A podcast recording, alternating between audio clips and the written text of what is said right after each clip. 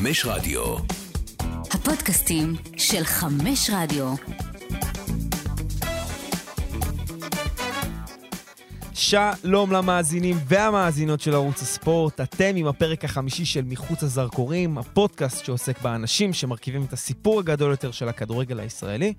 ואני איתי קשי, אה, והפעם בחרנו לעסוק בתפקיד שעם השנים הופך ליותר רווח כחלק מהמעטפת המקצועית של מועדוני כדורגל. וכמה אנחנו, העיתונאים וחובבי הענף, אוהבים להשתמש במילה מעטפת בלי סוף, אבל בלי באמת להבין את הדקויות וההשפעה שיש לאנשים שהם חלק מאותה מעטפת. אז לצד אנשים שמאמנים, שמת, שמתמחים באספקטים מסוימים במשחק, כמו מאמני הגנה ומאמני התקפה ומאמני טכניקה, ואנליסטים ופיזיותרפיסטים ויועצי תקשורת ופסיכולוגים, יש עוד תפקיד שנכנס לרשימת הדרישות של מועדון ספורט מתקדם, והוא מאמן מנטלי. אז מה זה מאמן מנטלי ומה העבודה שלו? בשביל זה הזמנתי לכאן את אוהד בק, המאמן המנטלי של בית"ר ירושלים, שמלווה גם 50 ספורטאים מכל הארץ, ונמנה על הסגל המקצועי של, כמובן, בית"ר ירושלים. אוהד, בוקר טוב, מה שלומך? בוקר מצוין, אתה יודע, במיוחד אחרי הניצחון אתמול, אז הרבה, הרבה, יותר, הרבה יותר כיף אתה להגיע. אתה מגיע באמת אה, מומנטום אה, נהדר. קודם כל, קודם כל, כיף שהזמנת אותי. אני באמת, שמח שאתה אה, פה. באמת מרגש. פעם ראשונה שלך בערוץ הספורט. בערוץ הספורט, כן. כן, אז, אז טוב שאתה איתנו, שמחים שאתה כאן. אה, וכמו שאמרתי, המאמן המנטלי של בית"ר ירושלים גם מלווה 50 אה, ספורטאים באופן עצמאי, נכון? כן, באופן עצמאי. אז ככה, לטובת האנשים שמאזינים ולא כל כך יודעים את ההגדרה של התפקיד שלך, כי זה באמת, כמו שאמרנו, משהו שנכנס בשנים האחרונות לרשימת הדרישות של uh, uh, מועדוני כדורגל כחלק מהמעטפת המקצועית, המעטפת המקצועית שאנחנו כל הזמן מדברים עליה. בוא נסביר לאותם מאזינים, מה זה מאמן מנטלי? שאלה מדהימה, יש לי עליה הרבה אה, הגדרות. בוא, בוא וה- נתחיל במש... בשני משפטים. בשני מה משפטים. זה אומר מאמן אני אגיד לך מנטלי? מה, מה, מה הייתי הכי בוחר. כן, בעיניי, מאמן מנטלי זה איש מקצוע שהמטרה שלו היא לדאוג לרווחת הספורטאי, לרווחת האדם, הרווחה הנפשית כמובן, כי, אתה יודע, בדרך הארוכה להישגים, בתחרות האינסופית, לפעמים אתה באמת מתמודד עם דברים שהם מצריכים כלים להתמודדות. מהמם. ואני יודע שלא תמיד זה בראש סדרי העדיפויות. אמ, ואני אומר את זה מאיזשהו גם, מאיזשהו כאב ומשהו יומיומי שאני פוגש. אני רואה ספורטאים שבאמת הם סופר מוכשרים, הם סופר משקיעים, אבל במאני טיים משהו קורה. משהו קורה שהם אה, לא ציפו לו. אמ, ו- ואני חושב שהמטרה המרכזית שלי, יודע, ששחקנים מגיעים אליי, זה קודם כל לאפשר להם ליהנות הרבה יותר מהדרך שלהם, ובאמת לתת להם את הכלים להתמודד עם כל מיני אתגרים וקשיים ומצוקות שהם חווים במהלך הדרך שלהם בספורט. אז אני חושב שכחלק מהרצון של הענף להתקדם, אנחנו מבינים שכדורגלן לא יכול להיות רק הטכניקה ברגליים וההבנה שלו של המשחק, אלא גם הוא צריך להיות בן אדם, בוא נגיד גרסה יותר טובה של עצמו, כדי גם להביא את עצמו יותר, יותר לידי ביטוי גם על הדשא. אה, איך הגעת למעשה לתחום הזה? וואו, אז אה, האמת שאני מדבר על זה בתחילת כל הרצאה, כי אני באמת חושב שזה חשוב, ואני מספר סיפור קצרצר על זה שכילד בן 12 היה לי חלום להגיע ולשחק בביתר ירושלים, להיות כדורגלן איפה גדלת דרך אגב? בירושלים. אה, ירושלמי, born and raised. כן, אוקיי, כל הדרך. כן. אמ, ואתה יודע, היה לי חלום לשחק בבית"ר ירושלים בליגה. ואתה יודע, הייתי שחקן כזה בבית ספר לכדורגל, והיה את היום הזה של המבחנים. והתרגשתי, ולא נרדמתי בלילה, היה כמו ילד קטן, כאילו, ליטרלי ילד קטן, שרוצה להגשים את החלום ומקבל היום את ההזדמנות הראשונה שלו. אז אני מגיע לבית וגן, ועם קבוצת הליגה אני כזה עושה חימום בצד. ואז כשהמאמן קרא לי כאילו להיכנס ל... למשחקון, יכול להגיד לך שבשנייה שנכנסתי למשחקון עצמו, פשוט היה לי קיבוץ מטורף בשתי הרגליים. עכשיו, זה ילד שכבר עשה חימום, זאת אומרת, אין שום היגיון בזה שפתאום יהיה לו קיבוץ בשתי הרגליים. ש- ילד בן 12, מה- למה כן, שיתקפו כן. לו שרירים? הוא לא בן אדם בן 40. בדיוק, שפשוט יגרום לו לעולם לא להיות אפילו דקה על הדשא. ואז הבנתי שזה, עזוב שלא היו לי באמת את היכולות שמתאימות כדי להיות כדורגלן, מדבר איתך ברמת חלום, אבל זה גרם לי להבין שיש פה משהו אחר מעבר לרק רק יכולות מקצועיות. יש פה משהו אחר. ובמרוצת השנים, שנהייתי מאמן כדורגל, ראיתי את התופעה הזאת ממש רחבה הרבה יותר. ראיתי באמת שחקנים שאתה רואה אותם באמת וואו באימונים, עושים מה שבא להם, מביאים את עצמם לידי ביטוי, ואז כשאתה מגיע לרגע האמת, זה לא נראה ככה. וזה זה כאב לי לראות את זה, כי זה הזכיר לי מאוד אותי. אז למעשה בעבודה, קודם כל, אה, כמה שנים אתה נמצא בתחום הזה? למה? בתחום המנטלי? של ה... כן, כמאמן שש מנטלי. שנים. שש שנים שש כבר יש לך כן. ניסיון. אה, אם אני זוכר נכון, אמרתי שגם עבדת לפני זה בהפועל אה, חדרה. כן, לפני שנתיים וחצי, עם שרון מימר, שנתן לי באמת הזדמנות מדהימה בקבוצת בוגרים, כיף גדול. כן. אז, אז אני רוצה להבין את הפרקטיקה של התחום הזה. איך זה נראה? אני נניח אה, ספורטאי, כדורגלן, שבאמת רוצה לנסות לש, לשפר את עצמי אה, ואת, ואת היכולת המנטלית שלי. אה, איך בדרך כלל, איך נראה סשן בין שחקן למאמן מנטלי כמוך? אז קודם כל דיברנו על זה טיפה קודם, ודימינו את זה הכי קרוב ל... אה, אתה יודע, פגישה, עם, פגישה אחד על אחד עם פסיכולוג, כמו שאנחנו רואים ב, ב, כן. בסרטים. זה ברמת איך זה נראה, אוקיי? אצלי לפחות. אה, ואני יכול להגיד לך שאם אנחנו צוללים פנימה לאיך זה, זה נראה ומה קורה באמת בפנים, אה, אנחנו ב, קודם כל, אתה יודע, בעיקר מדברים על מה שהבן אדם חווה, ולמה הוא הגיע וגם לאן הוא מכוון להגיע.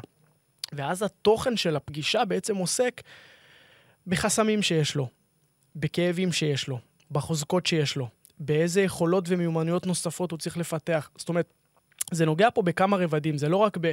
בוא תספר לי מה קשה לך.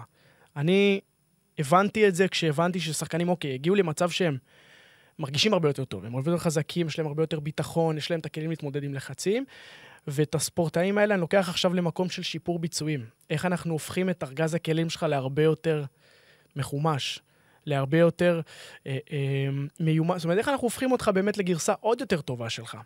אתה יודע, כי עם הרבה ספורטאים, אוקיי, הם מגיעים אליך כשהם, אתה יודע, מאוד מאוד מפוחדים, מבוהלים, קרה להם משהו, אתה עוזר להם עם זה, ואז ספורטאים כאלה, אני באמת רוצה לקחת אותם לקצה שלהם ולפתח אצלם יכולות שהם צריכים. אם זה מנהיגות, אם זה היכולת לאזן בית ספר וכדורגל, אם זה יכולות חברתיות שהרבה פעמים אנחנו מדברים. זאת אומרת, יש, יש הרבה עבודה לעשות כדי להפוך ל, ל, לגרסה המצוינת זאת שלו. אומרת, הרבה פעמים אתה גם מדבר על, ה, על החיים שמסביב לכדורגל, בטח. כדי לעזור לו גם להגיע ברור. למגרש, ושם להביא את הטוב ביותר שלו.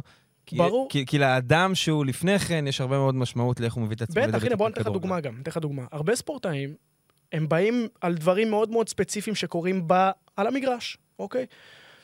ואז אחרי כמה פגישות, שאתה יודע שאתה עוזר להם, פתאום אתה מבין שיש קושי בחדר הלבשה. ופתאום אתה מבין שהבן אדם הוא מאוד מאוד אה, שקט ומופנם, ואתה יודע שזה יכול להיות קצת בעייתי שאתה בקבוצת כדורגל. זה יכול להפריע לך על המגרש, זה יכול להפריע לך בדינמיקות חברתיות, בחדר הלבשה, זה משפיע על רמת הביטחון, זאת אומרת, יש המון מה לעשות. בתקופה האחרונה נכנס הרבה יותר חזק גם לנושא הזה של, של ההורים מסביב. זו הרצאה גם שעשית שבוע שעבר בבית"ר ירושלים, שזה איך להפוך את ההורה לגורם שהוא הרבה יותר מקדם, לא רק תומך, הרבה, אה, אה, גורם שגם מקדם את הספורטאי להצליח בקריירה. זאת אומרת, יש המון רבדים שספורטאי אה, צריך לדעת להתמודד בהם, וזה זה מורכב. זה ממש מורכב, כדי להיות, להיות ספורטאי מצליח זה מורכב. אז בגלל שזה תפקיד שהוא יחסית חדש, אני לא יודע באמת את, לעמוד את הנקודת זמן שבה יותר ויותר מועדוני כדורגל הכניסו את התפקיד הזה של, של מאמן מנטלי, עדיין אני חושב שאתה אתה מציג פה איזו תמונה של איך, איך הכדורגלן מתייחס לעצמו ואיך הוא מבין את עצמו. וזה קצת אה, סותר לי מה שאנחנו רואים. מכדורגלנים. כי, כי, כדי להגיע לפגישה ולדבר על החולשות שלך ו... ועל הפגיעות שלך, אתה קצת צריך אה, לצאת ממקום שבו... מהמקום שאנחנו מכירים כדורגלנים, שבו הם תמיד צריכים להיות הכי חזקים והכי בטוחים בעצמם, ושום דבר לא פוגע בהם והם חסינים לכל, אבל באחד על אחד איתך, הם כנראה הפוך מוחלט ממה שאנחנו רואים uh, ברעיונות. אז, אז, אז אני אגיד לך שני דברים. קודם כל, אני אענה לך למשהו שאמרת קודם. אמרת שהנושא הזה אה, חדש ל- להרבה אנשים. אני יכול להגיד לך שהנושא הזה מאוד ותיק, פשוט המודעות אליו גדלה עם הזמן. זאת אומרת, יש אנשים בתחום הפסיכולוגיה של הספורט כבר עשרות שנים. כן. אני חושב שפשוט, עצם זה שגם המודעות לאימון אישי גדלה, אז זה, אה, זה גם חשף את התחום הזה הרבה יותר. אני מסכים איתך שזה בגדילה, אבל זה תמיד היה. אוקיי? זה לגבי אה, מה שציינת קודם. לגבי הנושא השני, אה, יכול להגיד לך שרוב הספורטאים מבינים ורוצים את העזרה הזו.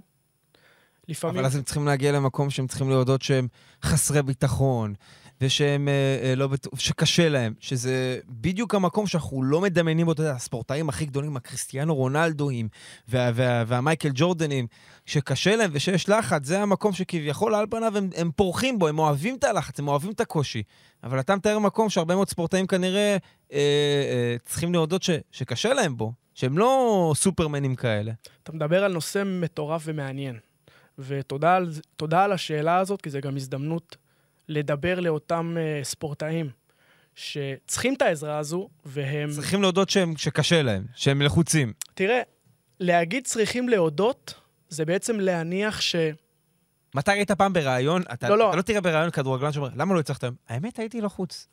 כשהקהל אה, אה, שרק לי בוז וזה, וזה קצת קיבע אותי. אתה, אתה לא תראה כדורגלן אומר את זה, אבל באחד על אחד איתך, הוא כנראה כן יתוודה על סיטואציה כזאת. אה, נכון, אני חושב שבאמת כדי להגיע לתהליך כזה, אתה באמת צריך איזושהי רמה מסוימת של להבין שאתה צריך ורוצה עזרה, אוקיי? זה חשוב, ל... חשוב להגיד את זה. להגיד לך שכמעט כל ספורטאי צריך את זה, התשובה שלי היא כן. עכשיו, אני אגיד לך גם עוד דבר, אוקיי? אה, שכל כדורגלן אתה מאמין שכדי להשתפר, הוא- הוא צריך את העזרה, כן, הוא צריך את כן, את הליווי כן, הזה. לגמרי. לגמרי, כי זה מאוד מאוד טבעי שכשאתה נמצא כל הזמן בנקודה שאתה מותח את הגבולות שלך, אתה תרגיש הרבה פעמים אי-נוחות. אתה תרגיש לפעמים איזשהו פחד. זאת אומרת, אלה דברים מאוד מאוד לגיטימיים. עכשיו, אם אתה לא מקבל או לא מבקש או, או, או לא רוצה את העזרה הזו, אז אתה באיזשהו מקום נושא, ב, נושא ב, בהשלכות של זה, אוקיי? אבל אני מאמין, גם כאחד שגם לא מתבייש לקחת, כן? אם אני באמת מכוון גבוה, ואם אני רוצה להגיע להישגים, אני מבין שאני גם צריך להתמודד עם איזה שהם מחירים שיכולים לבוא על חשבוני. מה זה אומר? זה אומר שעכשיו ספורטאי שבאמת מכוון גבוה ורוצה להתחרות ברמות הכי גבוהות, אוקיי? אם הוא מרגיש סופר בטוח בעצמו, והוא ממש בטוב, וזה זה קורה, זה מצוין, אוקיי? יש הרבה שהם גם לא כאלה, שהם... הרגעים האלה, הם לא, לא תמיד עושים להם טוב. ואני חושב שזה מאוד מאוד אחראי ובוגר להגיד שכן, יש רגעים שאני צריך עזרה כזו. יש רגעים שאני מרגיש שאני לא, שיש לי המון על הכתפיים ואין לי מי לדבר. ואתה יודע, אתה, אתה לא חייב תמיד לבוא לתהליך מנטלי בשביל זה. אבל לפעמים גם שיחות עם מאמן שיכול להבין אותך, לפעמים גם האנשים המתאימים והנכונים שיבינו אותך ויעזרו לך, יעשו עבודה מצוינת.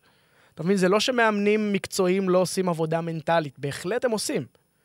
אבל יש, יש קצת משהו אחר בלבוא לתהליך ברמה מודעת, שאתה אומר, אני רוצה לבוא ולהתפתח, אני רוצה לבוא ולקבל כלים. אמרת מילה בגרות, ואני מאוד מסכים איתה, כי זה באמת דורש בגרות, במיוחד בתחום, באמת צריך להגיד, מאוד מאוד מצ'ואיסטי כזה, שאנחנו מדמיינים כדורגלנים ככוכבי על, להגיד, אני פגיע, קשה לי. אתה יודע, אנחנו רואים נניח ספורטאי, כדורגלן כמו ערן זהבי, שהבן אדם הזה נראה לנו כמו מישהו שרק תיתן לו לשחק מול כמה שיותר קהל ושיקללו אותו, הוא רוצה שיקללו אותו, והוא יצליח ברגע הזה. אבל כדורגלן, בוא נגיד שהוא יותר בוגר, הוא יותר מודע לעצמו, הוא יגיד, אני חייב להגיד, אני, אני מוכשר, אני מאמין ביכולת שלי, אבל אני גם יודע שיש לי קשיים. כדי להתמודד עם הקשיים האלה צריך להגיד, לא פשוט לי, אני לא, לא ערן זהבי, אבל אני רוצה להגיע ללבלים האלה, ובשביל זה אני צריך, אה, אני צריך מישהו שיוכל אה, באמת אה, לתת לי את אז, הפוש אז הזה. נתת דוגמה טובה, ערן זהבי דוגמה מצוינת, באמת למישהו הוא הולך ש- לליווי מנטלי, אתה רואה, כי בסוף אני מדמיין אנשים כאלה, אתה אומר, אנחנו חושבים, האנשים שלא מכירים את המעטפת המקצועית, שהוא נולד עם זה פשוט. ערן זהבי נולד לרגעים הגדולים. הוא לא צריך שום, אף, אף אחד שיגיד לו איך להתכונן ואיך... הוא... תן לו להיות בכל מגרש, והוא יביא את עצמו לידי ביטוי. אז, אז קודם כל, חשוב לי לומר, קודם כל, אני, אני אישית לא מכיר את ערן זהבי, ואני לא יודע באמת באיזה אנשי מקצוע הוא נעזר. אני לא, לא מכיר אותו אישית. אבל בוא, בוא תדבר עם ערן זהבי שהיה בן 13. בוא תדבר עם ערן זהבי שהיה בן 14. אולי שם הוא הרגיש שהוא היה צריך. זאת אומרת, אל תסתכל רק על, על אה, שחקן שנמצא באיזושהי נקודה מאוד מאוד גבוהה ותשאל את עצמך, הוא צריך, הוא משתמש? תסתכל עליו דווקא בשלבים אולי אחרים. אני יכול להגיד לך שכן, זה פורסם שכריסטיאנו רונלדו נעזר בפסיכולוג אה, אה, מאוד מאוד מוכר בשם ג'ורדן פיטרסון. אה, מה? והוא נעזר בו, כן, אני ראיתי על זה כתבה. קריסטיאנו כן, רונלדו נעזר בג'ורדן פיטרסון? כן, זה משהו ש... אני לא יודע אם המאזינים שלנו יודעים, ג'ורדן פיטרסון זה אולי הפסיכולוג הכי מוכר בעולם היום. כן. זה אמיתי? אני אגגל את זה אני אחרי אני זה. חושב שאתם אחרי זה פרסמתם את זה אפילו. וואו. כן. אה, כתבה מאוד מעניינת שאני ראיתי, אבל שמע, אתה יודע, בן אדם לפעמים... הנה, אנחנו מדברים על הבן אדם שכביכול הוא... אין יותר מאני טיים ממנו מקריסטיאנו רונלדו, וגם הוא צריך את הבן אדם הזה שיוכל לה- להכווין אותו ו- ו- ולעזור לו להבין את עצמו כדי, כולנו, כדי להיות קריסטיאנו רונלדו. כולנו בסוף בני אדם. כולנו בסוף רוצים עזרה. אז- אה, אז אני רוצה לרדת רגע לפרקטיקה של זה. יצא לי לשמוע לפני כמה שנים אה, ראיון, לפי דעתי, עם חאתם אל-חמיד, שהוא, מדבר- שהוא סיפר על איך הוא מתמודד בזמן משחק, וכדי נניח לבנות את הביטחון של עצמו, הוא- מדבר עם עצמו. הוא אומר לעצמו, יופי, הוא, הוא, הוא, הוא משבח את עצמו כדי לה- להרגיש יותר ביטחון. איך זה נראה מבחינת, ה, בוא נגיד, הכלים שדיברת עליהם? מה הכלים שאפשר לתת לספורטאי כדי להתמודד בסיטואציה כמו משחק? או דוגמה שאתה, נניח, אתה בדרך כלל נותן לספורטאים שלך. שמע, נתת, נתת אה, דוגמה מעניינת של בן אדם שפשוט אה, החליט לשנות את האופן שבו הוא מתקשר עם עצמו. יכול להגיד לך שהרבה פעמים התוצאה הזאת של לחץ לפני משחק היא תוצר של לחץ פנימי שאנחנו יוצרים אצלנו. זאת אומרת, מספיק שאני אגיד לעצמי, שמע, אסור לך היום לפשל, אז כנראה שאני מגביר את הלחץ הפנימי אצלי. והרבה פעמים גם, כאילו, מה זה, בעיקר שאני בתהליכים ובאימונים מנטליים, רוב העבודה באמת היא על תקשורת פנימית. זאת אומרת, האופן שבן אדם מגיב לעצמו, האופן שבן אדם מתקשר עם עצמו, זו תקשורת שהיא כנראה גם, אה, לרוב היא לא מודעת. זאת אומרת, זה לא שבן אדם אומר לעצמו, אתה לא טוב, אתה חלש, אתה זה. זה לא תמיד חייב להיות אה, תקשורת מילולית. הרבה פעמים זו תקשורת שהיא באמת, היא לא מודעת, תקשורת שהיא פנימית, הרגלים.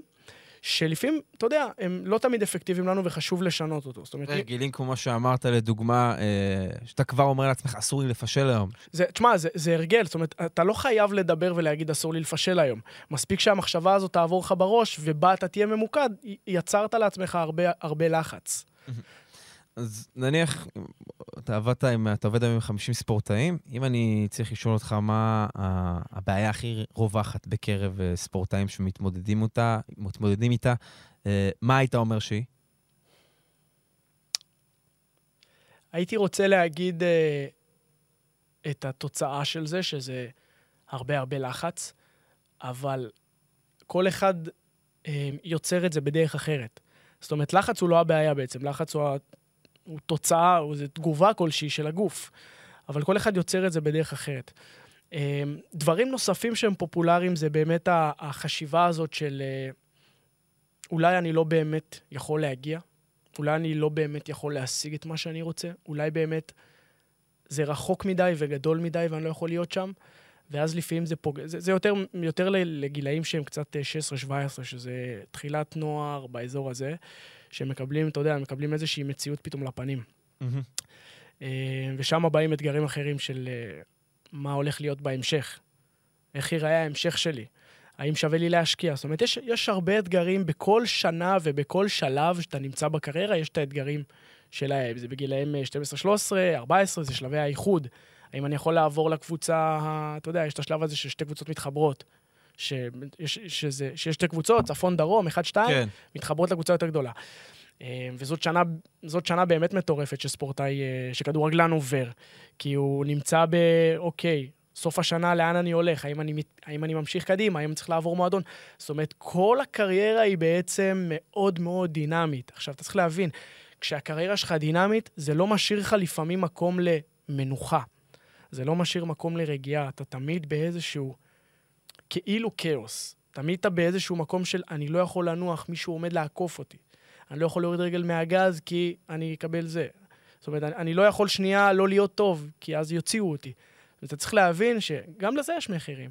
שאתה כל החיים שלך, אתה כל הקריירה שלך, תמיד באיזשהו מרדף אחר התוצאות הטובות ביותר.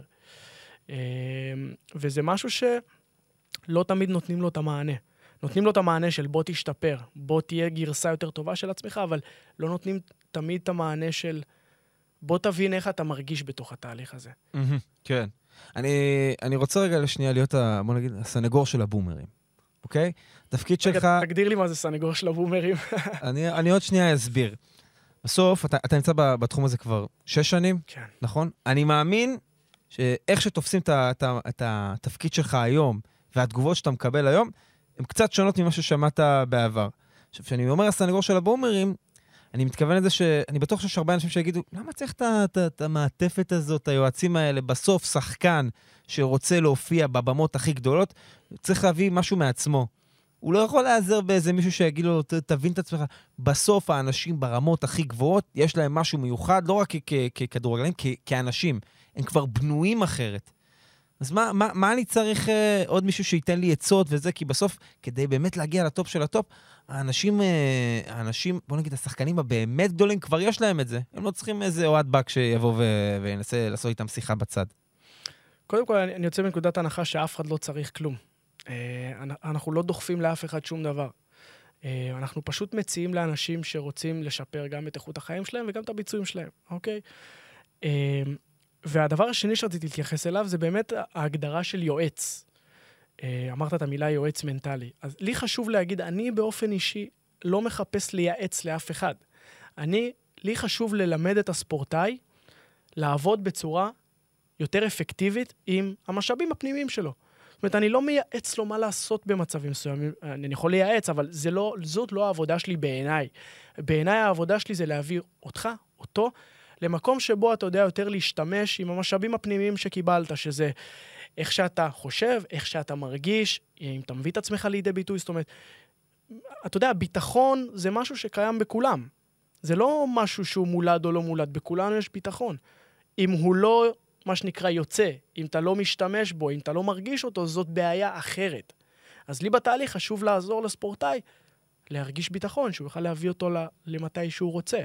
ותגובות, נניח, אני אמרתי, הזכרתי שאתה נמצא כבר בתחום הזה שש שנים. היו תגובות, נניח, לפני שש שנים, או אפילו היום, מצד אנשים שאומרים, לא, לא באמת צריך אותך, די, מה זה, מה זה השטויות האלה, אה, יועץ מנטלי? היית מקבל אה, אה, תגובות כאלה מאנשים? אמ,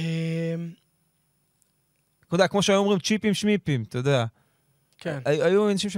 אתה קיבלת תגובות של כאילו, מה, מה זה השטויות האלה? אני, אני אישית לא קיבלתי או לא, לא שמעתי דברים, אבל אני יכול להבין את הדברים שאתה מדבר עליהם, כי מה הוא צריך, אה, מה הוא צריך מנטלי? הוא חזק בראש. כן. ויש הרבה, הוא חזק בראש. תשמע, מי שהולך להיות, לעבוד עם מאמן מנטלי זה לא מניח שהוא חלש בראש. מה זה חזק חלש? זה לא שחור או לבן. אתה יכול להיות חזק בראש ולהתמודד עם איזשהו קושי ושאתה צריך עזרה, זה לא סותר את זה. אז לא שמעתי משהו קונקרטי שאמרו לי על הנושא הזה ספציפית, אבל כן, אני יכול להבין, כאילו, למה אתה מתכוון. אמרת חזק בראש, אני רוצה כאילו דרך הפריזמה המקצועית שלך לנסות uh, להבין טיפה יותר טוב. יש לך דוגמה נניח לספורטאי או כדורגלן שאתה מכיר, שאתה יכול, uh, ממה שיצא לך לראות ממנו, לשמוע ממנו, להגיד, הבחור הזה הוא חזק מנטלית, יש לו חוסן, uh, חוסן שאני מתרשם ממנו. וואו, וואו, וואו, איזה שאלה. אמ, אני יכול לתת לך בשלוף פשוט, אה, אתה יודע, לא הייתי הולך לחזק בראש או חוסן מנטלי, אבל אני הרבה פעמים אוהב לתת דוגמאות של קובי בריינט ומייקל ג'ורדן, שהם מדברים המון על... אתה יודע, אנחנו שנינו יכולים להניח שהם חזקים בראש, אבל אם תראה ראיונות שלהם ואם תראה סרטונים שלהם, אתה תבין שהם התמודדו בדיוק עם דברים שכל אחד מאיתנו מתמודד. כנראה שבאמת יש להם את הכישורים ואת המיומנויות שצריך בשביל להתמודד עם האתגרים האלה.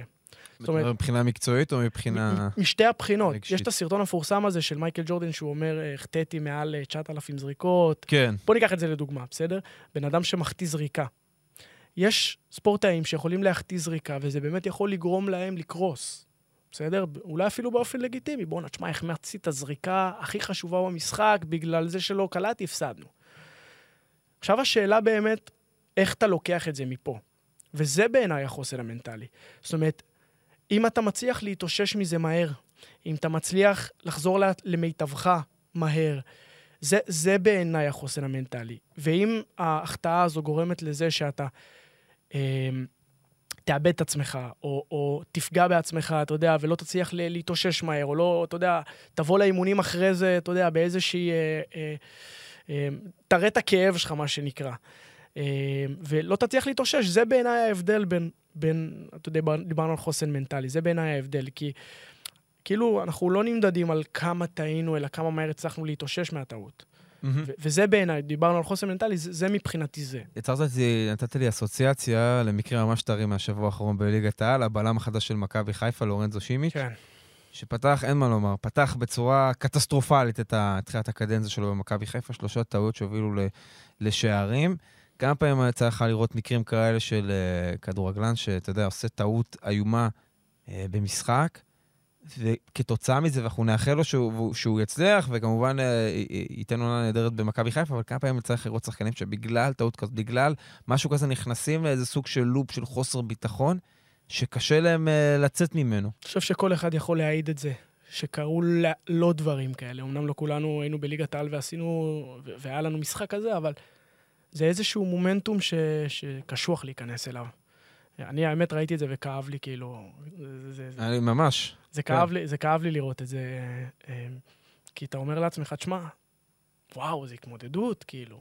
עשית, קיבלת שני גולים שהם כאילו עליך, והגול הש... כאב לי לראות את זה, אבל אני, אני בטוח שהוא, אתה יודע... אני כבר לא זוכר, אני... אבל כן, אוקיי. אני, אני, אני, כן. בט, אני בטוח שהוא אה, אה, יצליח להתאושש מזה מהר, הוא גם שחקן מנוסה, גם יש מאחוריו גב של שחקנים, של מועדון.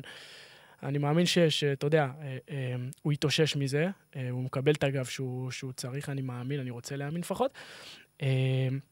אבל אתה יודע, המקום הזה שאתה עושה טעות ואז אתה נכנס לאיזשהו לופ של טעויות נוספות, זה משהו שהוא פופולרי, כי באיזשהו מקום, כשאתה עושה טעות, אתה יכול לאבד את הביטחון שלך. ואז כשאתה עושה את הפעולה הבאה, היא כבר לא נקייה כמו שהיא הייתה אם היית מרגיש הרבה יותר טוב. זאת אומרת, הפעולה, הפעולה שאתה מבצע הבאה, משהו עוד מערער אותה מהטעות הקודמת. כן, אתה עדיין נושא איתך את המחשבה כן, שעשית כן, מקודם. זה, אתה, לא זה, לא יכול, אתה לא נפטר מזה. זהו, זה, זה בא איתך. ו... ואם שאלת איפה נכנס אימון מנטלי, אז, אז בעיניי הוא נכנס גם כאן. של איך, איך אתה יודע, איך, איך, איך בן אדם מצליח לשים מאחוריו טעות שהוא עשה הרגע, ולחזור לעצמו. זאת אומרת, זה, זה, זה משהו, זו מיומנות, זה לא עניין של חזק או חלש בראש. אתה, כתבתי לעצמי שאלה, אני לא יודע אם זה באמת רלוונטי כתוצאה מהדברים שאתה אומר, אה, אבל נניח כמו המקרה הזה, אמרת שכדי להבין את הספורטאי וכדי להבין מה נכון להגיד לו, גם צריך אה, לדעת איך, איך, את מבנה האישיות שלו, צריך להכיר את מבנה האופי של הבן אדם הזה. אבל עדיין, בואו אני אתחכם, אני אנסה ל, לרוץ על זה. יש איזו עצה או יש איזו הכוונה שאתה באינסטינקט שלך, כשאתה רואה משהו כזה על המסך, שכאיש מקצוע, אתה חושב בינך לבין עצמך שצריך להגיד לבן אדם כזה אחרי משחק, ביום שאחרי? אה, אני חושב ששום דבר... חוץ מלהגיד לו, אתה, אתה בסדר, הכל טוב, אוהבים אותך, אתה יודע, מילות עידוד. אני חושב שכשאתה אומר לבן אדם אה, הכל טוב במצב כזה, אז אני לא יודע אם כמה אתה עוזר לו. בכלל לא עוזר. כי הוא, הוא מרגיש, הוא יודע שלא הכל טוב, בסדר? אמ, אתה יודע, לבוא, להגיד לבן אדם שחווה דבר כזה, אמ, הכל טוב, אני, לא, אני לא יודע כמה אפקטיבי זה יהיה. יכול להגיד לך שמה שאני הייתי עושה, קודם כל, אתה יודע, נותן לו, נותן לו את הספייס שלו, הוא לא צריך עכשיו שיבואו מלא אנשים ויגידו לו הכל טוב. אמ, לתת לו קצת, אה, אתה יודע, ל... הרבה פעמים זה גם, זה מעצבן לשמוע דבר כזה. נכון. שאתה יודע שעשית טעות קשה ואמרו לך הכל טוב. לא, לא הכל טוב. כן, אני... זה כאילו לנסות לבלף בן אדם קצת, לחרטט אותו, כשהוא, כשהוא מבין את תמונת המצב והמציאות. כן. אמ, אני חושב ש... אתה יודע, זה, זה הכי טבעי גם להרגיש uh, כמו שתיארת. כאילו, זה הכי טבעי אחרי משחק כזה גם להרגיש uh, uh, שאתה מאוד מאוד, uh, אתה יודע, מבואס וזה לא הלך, אז אין, אין, פה איזשהו רצו, אין פה איזשהו צורך לבוא ולייצר איזשהו מצג שווא ש, שהכל ורוד. פשוט לתת לבן אדם, קודם כל, להבין מה קרה, לתת לו להכיל את מה שקרה. ואני חושב שאחרי זה, בהמשך, אחרי שקצת הדברים נרגעים, אז כן חשוב שהוא ירגיש, אתה יודע, שתומכים בו וש, אה, ושהוא לא לבד. אה, כי זה בטוח אירוע שהוא... תשמע, זה אירוע קשוח, אירוע לא פשוט בכלל. אני רוצה רגע לעבור לצד השני של, אה, של המתרס, זה לא של המתרס, אבל חלק מהמערכת. בסוף צריך שניים בשביל טנגו, וצריך גם מועדון כדורגל וקבוצה שתדע, כן. שתרצה לקבל אה, מאמן אה, מנטלי. לפני שנדבר על בית"ר ירושלים, בוא נדבר על, על הפועל חדרה והעבודה שלך עם אה, שרון מימר, אם אתה יכול לסכם את זה בקצרה. איך הייתה התקופה שלך שם? אני חושב שקודם כל זו הייתה הפעם הראשונה בליגת העל, זו הייתה חוויה מדהימה. ושוב, זו גם הזדמנות להגיד תודה לשרון, שלא מהסס לקחת אנשי מקצוע צעירים וגם, אתה יודע, לתת להם את הבמה ולתת להם את ההזדמנות. וזה אני גם תמיד, אתה יודע, אומר על זה תודה, כי זה לא מובן מאליו. אה, וזו הייתה הזדמנות בשבילי, אתה יודע, לעבוד ולעזור ל... גם לשחקנים שהם בתפר כזה בין נוער לבוגרים, וגם לשחקנים שלפעמים אתה שומע שהם הם כאילו ותיקים, אבל הם, הם צריכים את המילה. הם צריכים את העזרה, גם אם זה לא פגישה אחד על אחד. אה, ואני יכול להגיד, עבדתי שם עם כמה שחקנים דווקא יותר צעירים, שפעם ראשונה הם אה, נחשפו לזה, ו- וזה באמת עזר להם מאוד. זה עזר להם מאוד גם להביא תוצאות. אה, תקופה לא ארוכה הייתה שם, בוא נגיד ככה, זו הייתה גם תקופה בשבילי של להבין, אתה יודע, מה זה הרמות הגבוהות ולהרגיש חדר הלבשה. אה, ניסיתי לעזור איפה שאני יכול ואיפה שאני יכול לתרום. עשיתי את כל המאמצים בשביל ש- ש- שזה יקרה. אה, הייתה חוויה טובה. אה, אה, אמרת איך מרגיש חדר הלבשה. איך מרגיש חדר הלבשה בליגת העל? וואו. שוב, זה להרגיש חדר הלבשה לא כשחקן, זה להרגיש, אתה יודע, מה זה, מה זה לפני זה. אפילו עוד יותר מעניין, בתור בן אדם שמסתכל מהצד ורואה את הסיטואציה, כאילו, מה אתה רואה? אה, אני יכול לתת אה, את זה באיזשהו סיפור קצר, שאחד השחקנים שם, הוותיקים, אה, סיפר לי עליו כשהוא היה שחקן צעיר, הוא היה ותיק שם. הוא אומר לי, שמע, שחקן, אה, אה, קודם כל, להיות פתאום בקבוצת בוגרים זה סרט אחר ממה שהכרת במחלקות נוער. הוא אמר לי דבר כזה, אם היה לי מישהו בתחום המנטלי שהיה יכול לעזור לי בתקופה שאני עליתי לבוגרים, זה כנראה היה, כנראה היה משדרג אצלי הרבה דברים. אה, כי פתאום אתה נכנס לקבוצה, שזה לא התקדמנו מנערים ג' לנערים ב' ביחד כולם. פתאום אתה מגיע לקבוצה שפתאום יש בה שחקנים ותיקים וצעירים. אה, יש שחקנים זרים פתאום. פתאום יכולים להביא שחקני רכש. אז הלחץ שלך להביא תוצאות פתאום הוא גדל. אה, ולשאלה שלך איך זה היה פתאום להיות בחדר הלבשה. שמע, זכיתי באמת לעבוד שם עם שחקנים מדהימים ואנשים מדהימים, אז אני מאוד מאוד נהניתי, זו החוויה שהייתה לי משם. אה, חוויה לראות, אתה יודע, מה זה, מה זה שחקנים עם קריירות, ותיקים, מנוסים, כאלה שיצאו לחו"ל, אליאל פרץ יצא אחרי זה לחו"ל משם. אה, כיף לראות, זה מקום, מקום מהמם. אז אמר לי מאמן, אמר לי מאמן אה, עמית ארצי, המאמן של הפועל רמת השרון בנוער, שמבחינתו, ממש לאחרונה, מבחינתו שחקן כדורגל זה 50% מנטלי. לפחות, ממש לאחרונה הוא אמר לי את זה. מעניין אותי מבחינת אה, מאמנים, בסוף הם צריכים להיות אנשי מקצוע טובים, הם צריכים להעמיד קבוצה בצורה מאוד אה, נכונה על המגרש, אבל בסוף הם גם צריכים להיות גם האנשים שהצליחו להוציא יותר מהשחקנים שלהם, גם מבחינת מוטיבציה. אה, שרון מימר לדוגמה, היו פעמים ש... אני, אני לא יודע אם הוא למד אה, אימון מנטלי, NLP, דברים כאלה, אבל לך להסתכל מהצד ולהתרשם מה, מה, מהיכולות שיש לו, מהכישורים שיש לו בתחום הזה. בטח, צריך להבין ש... כי יכול, הרבה מאוד מאמנים הם גם מוטיבטורים ענקיים, והם לאו דווקא למדו NLP, יש, כאן, יש להם כנראה איזו איכות מסוימת, אישיותית, שנותנת להם את האופציה באמת להביא את זה לידי ביטוי בעולם הכדורגל. אני מסכים איתך לגמרי. זאת אומרת, בסוף אני עובד עם אנשים, אבל גם המאמן כדורגל עובד עם אנשים. כשאתה לוקח מישהו כמו שרון, שהוא היה המון המון המון שנים כדורגלן בליגות הגבוהות, והמון שנים עם ניסיון כמאמן, אז גם הוא עושה עבודה מנטלית. כל איש מקצוע בצוות, כל איש מקצוע בצוות עושה עבודה מנטלית. אני חושב שהמקום של המאמן המנטלי הוא טיפה שונה, כי זה מקום שבו אתה נותן רק מקום לבפנוכו של הבן אדם, ושהוא גם לא, הוא, הוא לא מרגיש באיזשהו מקום שהוא, אתה יודע, ששופטים אותו. עכשיו, יכול לבוא שחקן בגיל 14, אה, והוא פחות יראה את הקש... המאמן יכול לעזור לו עם אתגרים מנטליים, אבל אני לא בטוח שהוא ירגיש בנוח לדבר עם המאמן על הדברים האלה.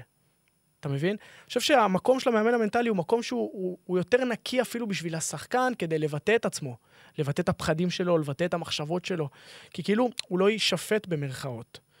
אמ, אז כל, כל איש מקצוע עושה עבודה מנטלית. כשאתה הולך עכשיו לשיקום, הפיזיותרפיסט לא עושה איתך איזושהי עבודה מנטלית, הוא לא אה, נותן לך את הצדדים האופטימיים, הוא לא מדבר איתך על, אה, על איך, איך שחקנים אחרים מתמודדים עם זה. הוא כן נותן את האספקטים המנטליים, הוא כן מדבר איתך על הדברים האלה. אתה מבין? כולם עושים עבודה מנטלית, אבל יש הבדל כי כשאתה בא לאיש מקצוע בתחום המנטלי, אתה בא לעסוק רק בזה. זאת אומרת, זה העיקר של הדברים. יש שחקן, לאו דווקא שעבדת איתו אישית, אבל שחקן שיצא לך לראות לאורך הדרך, שהתרשמת, בוא נגיד, מה, מהחוסן המנטלי שלו, מהאינטליגנציה הרגשית שלו, שאתה זוכר?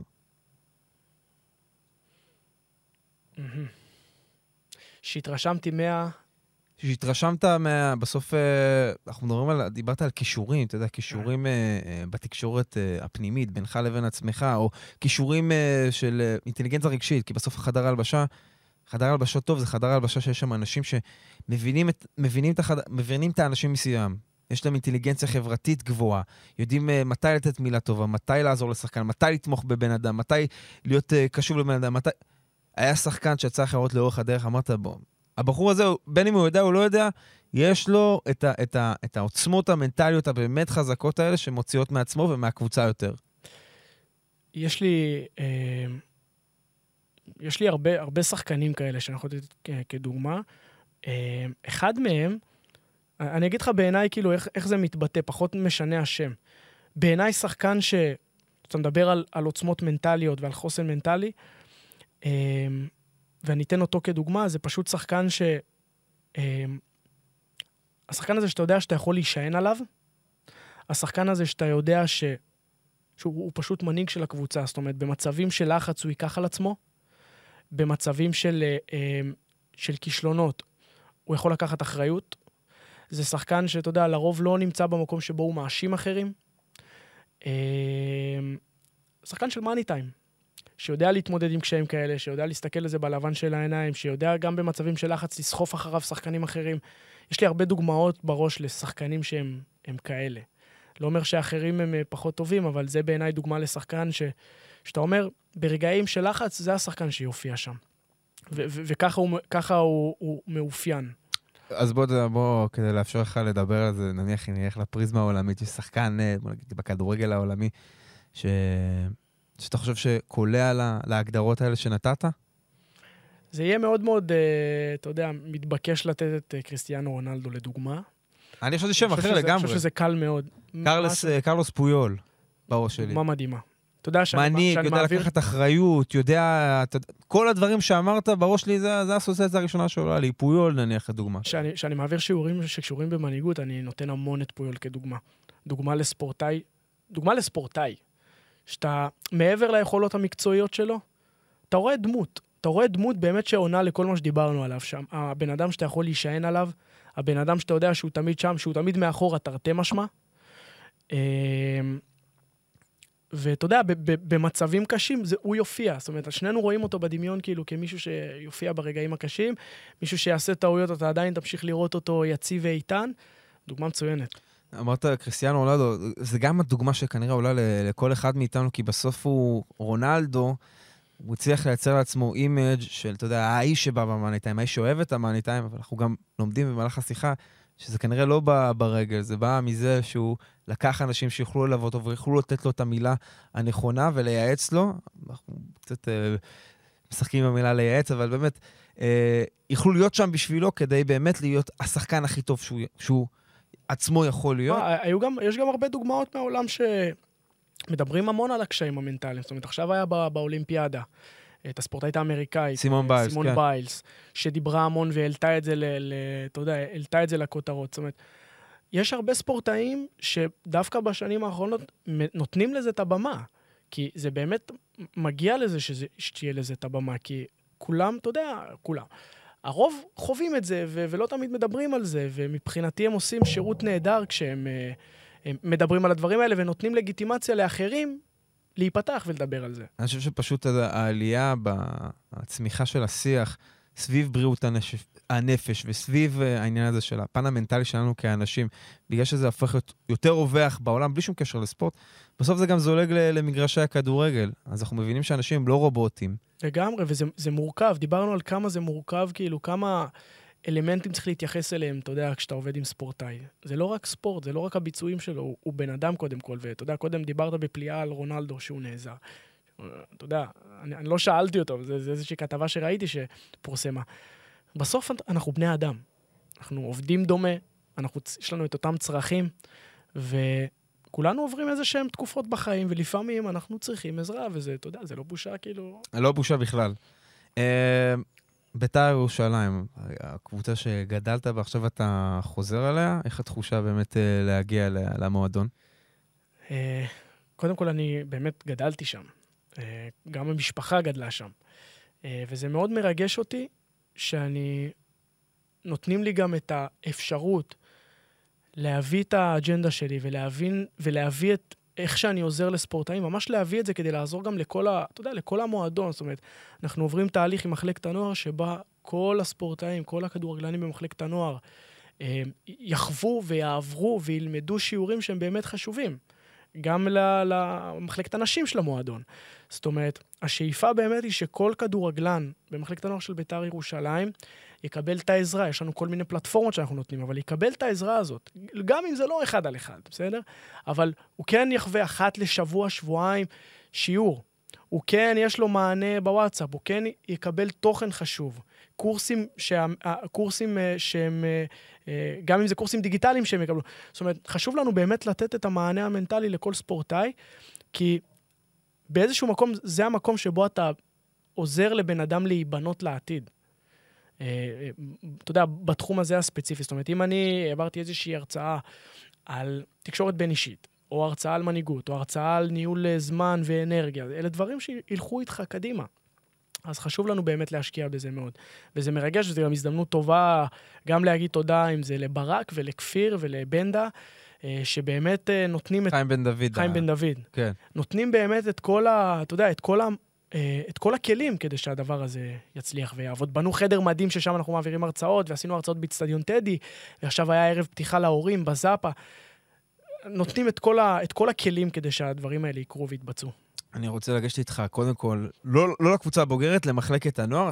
הגעת לביתר ירושלים במצב שמחלקת הנוער שלה בנקודה מאוד מאוד בעייתית. הרבה מאוד מהקבוצות נוער שנה שעברה ירדו ליגה, ביתר כבר לא רואה, לא נמצאת אה, בחוד החנית של אה, אה, כדורגל הנוער בשנים האחרונות, וכן צריך לחזור כדי להצדיק את השם שלו בצמרת הכדורגל הישראלי. מה זה מצריך ממך מבחינת עבודה? קודם כל זה מצריך, זה, אני, חשוב לי להגיד, זה מצריך קודם כל מכל, ה, מכל המועדון, כל אחד ב, בתחום העיסוק שלו. ואני יכול להגיד, אתה יודע, אה, אה, חיים דיבר על זה, וגם כפיר בערב פתיחה שהיה בזאפה, על איזה שינויים מדהימים עשו במחלקת הנוער, במועדון ובמחלקת הנוער של בית"ר ירושלים. נוספו, אם אני לא טועה, בין 15 ל-18 אנשי צוות חדשים. הקיץ. הקיץ, כן. אה, אם זה מאמנים נוספים שהצטרפו מהמרכז, מכל מיני מועדונים, המון עוזרי מאמנים. אני הצטרפתי בתחום המנטלי, החלפתי את אבישי המדהים, שעשה שם כמה שנים, אה, והתחום של האנליסטים מתפתח, ומצלמות, זאת אומרת, דברים שלא כל כך היו בשנים האחרונות. אז אתה רואה שההשקעה היא, היא רחבה. אה, ממש נותנים מענה הרבה יותר רחב מפעם. אז זה באמת מצריך מכל איש מקצוע בתחום שלו, אתה יודע, להביא את הפורטה שלו ולתת את כל מה שהוא יודע בשביל שזה יצליח. בתחום שלי, דיברנו על זה, אם זה שחקנים ספציפיים שאנחנו נותנים עליהם יותר דגש באחד על אחד, ועוזרים להם להביא, להביא את זה לידי ביטוי, שחקנים שהם אה, אה, חשובים ביותר וגם מובילים אה, אה, בנוער. אה, וכמו שאמרתי, אנחנו רוצים לתת את הכלים האלה לכל הכדורגלנים. אני מניח, אני מאמין, אתה יודע, אני רואה ילד, בח... אני רואה ילד על הדשא, אני מאמין בתוך תוכי שהילד הזה יכול הרבה יותר. אני מאמין בזה, אני מסתכל עליו ואני אומר, תשמע, אתה יכול להיות במקום הרבה יותר גבוה, ואנחנו נעשה את הכל כדי שאתה תהיה שם. אז בתחום שלי, בתחום המנטלי, את השיעורים, את ההרצאות, את הפגישות, כל מה שאני יכול לתת כדי שהשחקנים יתקדמו, אני עושה מאמצים לתת. אבל תשמע, אתה יודע, במבחן התוצאה, אמרת, אתה, אתה רוצה להאמין בשחקנים, מבחן התוצאה, אני מסתכל על מחלקת נוער של בית"ר ירושלים, קשה מאוד להיות בטוח בעצמך כשאתה רואה ש... לא יודע אם רוב הקבוצות, אבל לפחות איזה שלוש קבוצות בכתיבה הבוגרת נמצאות ב, בליגות המשנה. עברו קיץ באמת מאוד מאוד לא פשוט.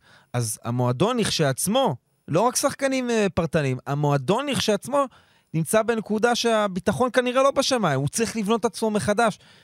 אמרת על זה שהיה לכם שיחת פתיחה עם ההורים, אני בטוח שההורים היו מודעים לעניין ומבינים איפה, איפה הקבוצה נמצאת אה, בנקודה הזאת. מה אתה אומר להורים אה, מהעמדה הזאת? אני אחלק את זה לשניים. אני אחלק את זה לשניים. קודם כל, הקיץ הזה באמת נעשו שינויים מדהימים וההשקעה גדלה.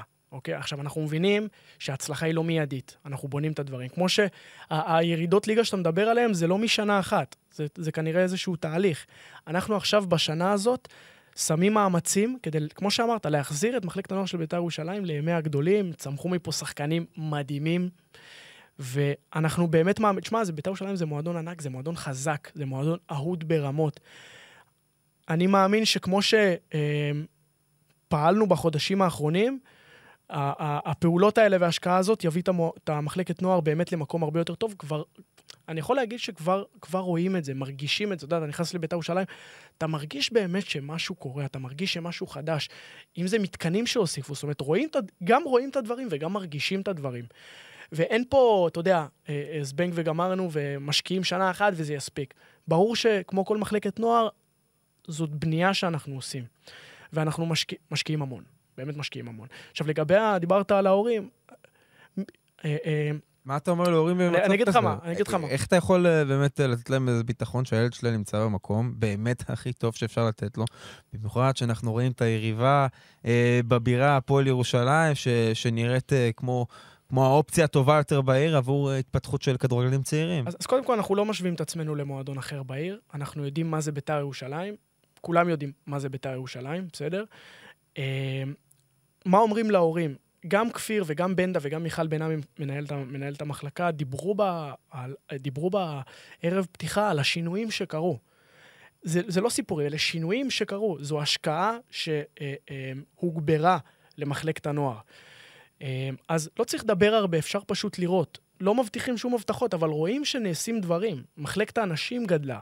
זה לא רק בוגרות, יש גם מחלקה שלמה של בנות שהצטרפה, והאקדמיה שנפתחה, זאת אומרת, עושים המון דברים. ממש משקיעים. החלק שאני דיברתי עליו בהרצאה זה לא איזה הבטחות נותנים להורים, זה באמת איך, איך אנחנו, ההרצאה נקראת הבן שלי שחקן, איך אנחנו עוזרים להורים אה, להשתמש בתקשורת שלהם עם השחקן כדי לעזור לו. כי הרבה פעמים, הרבה בעיות ששחקנים מגיעים איתם אליי, זה, זה הרבה פעמים בעקבות לחץ שנוצר, לא על המגרש דווקא. ואתה יודע, מהניסיון שלי ומהשנים שלי בתחום, זיהיתי איזה בעיות יכולות להיווצר בטריבונה, בבית, באוטו, ולתת להורים גם את הכלים להתמודד עם זה, להבין מה הוא עובר באמת לעומק, וגם לדעת מה להגיד, לדעת מתי להגיד, לדעת מה אומרים, מה עושים, מה לא עושים. בזה עסקה ההרצאה.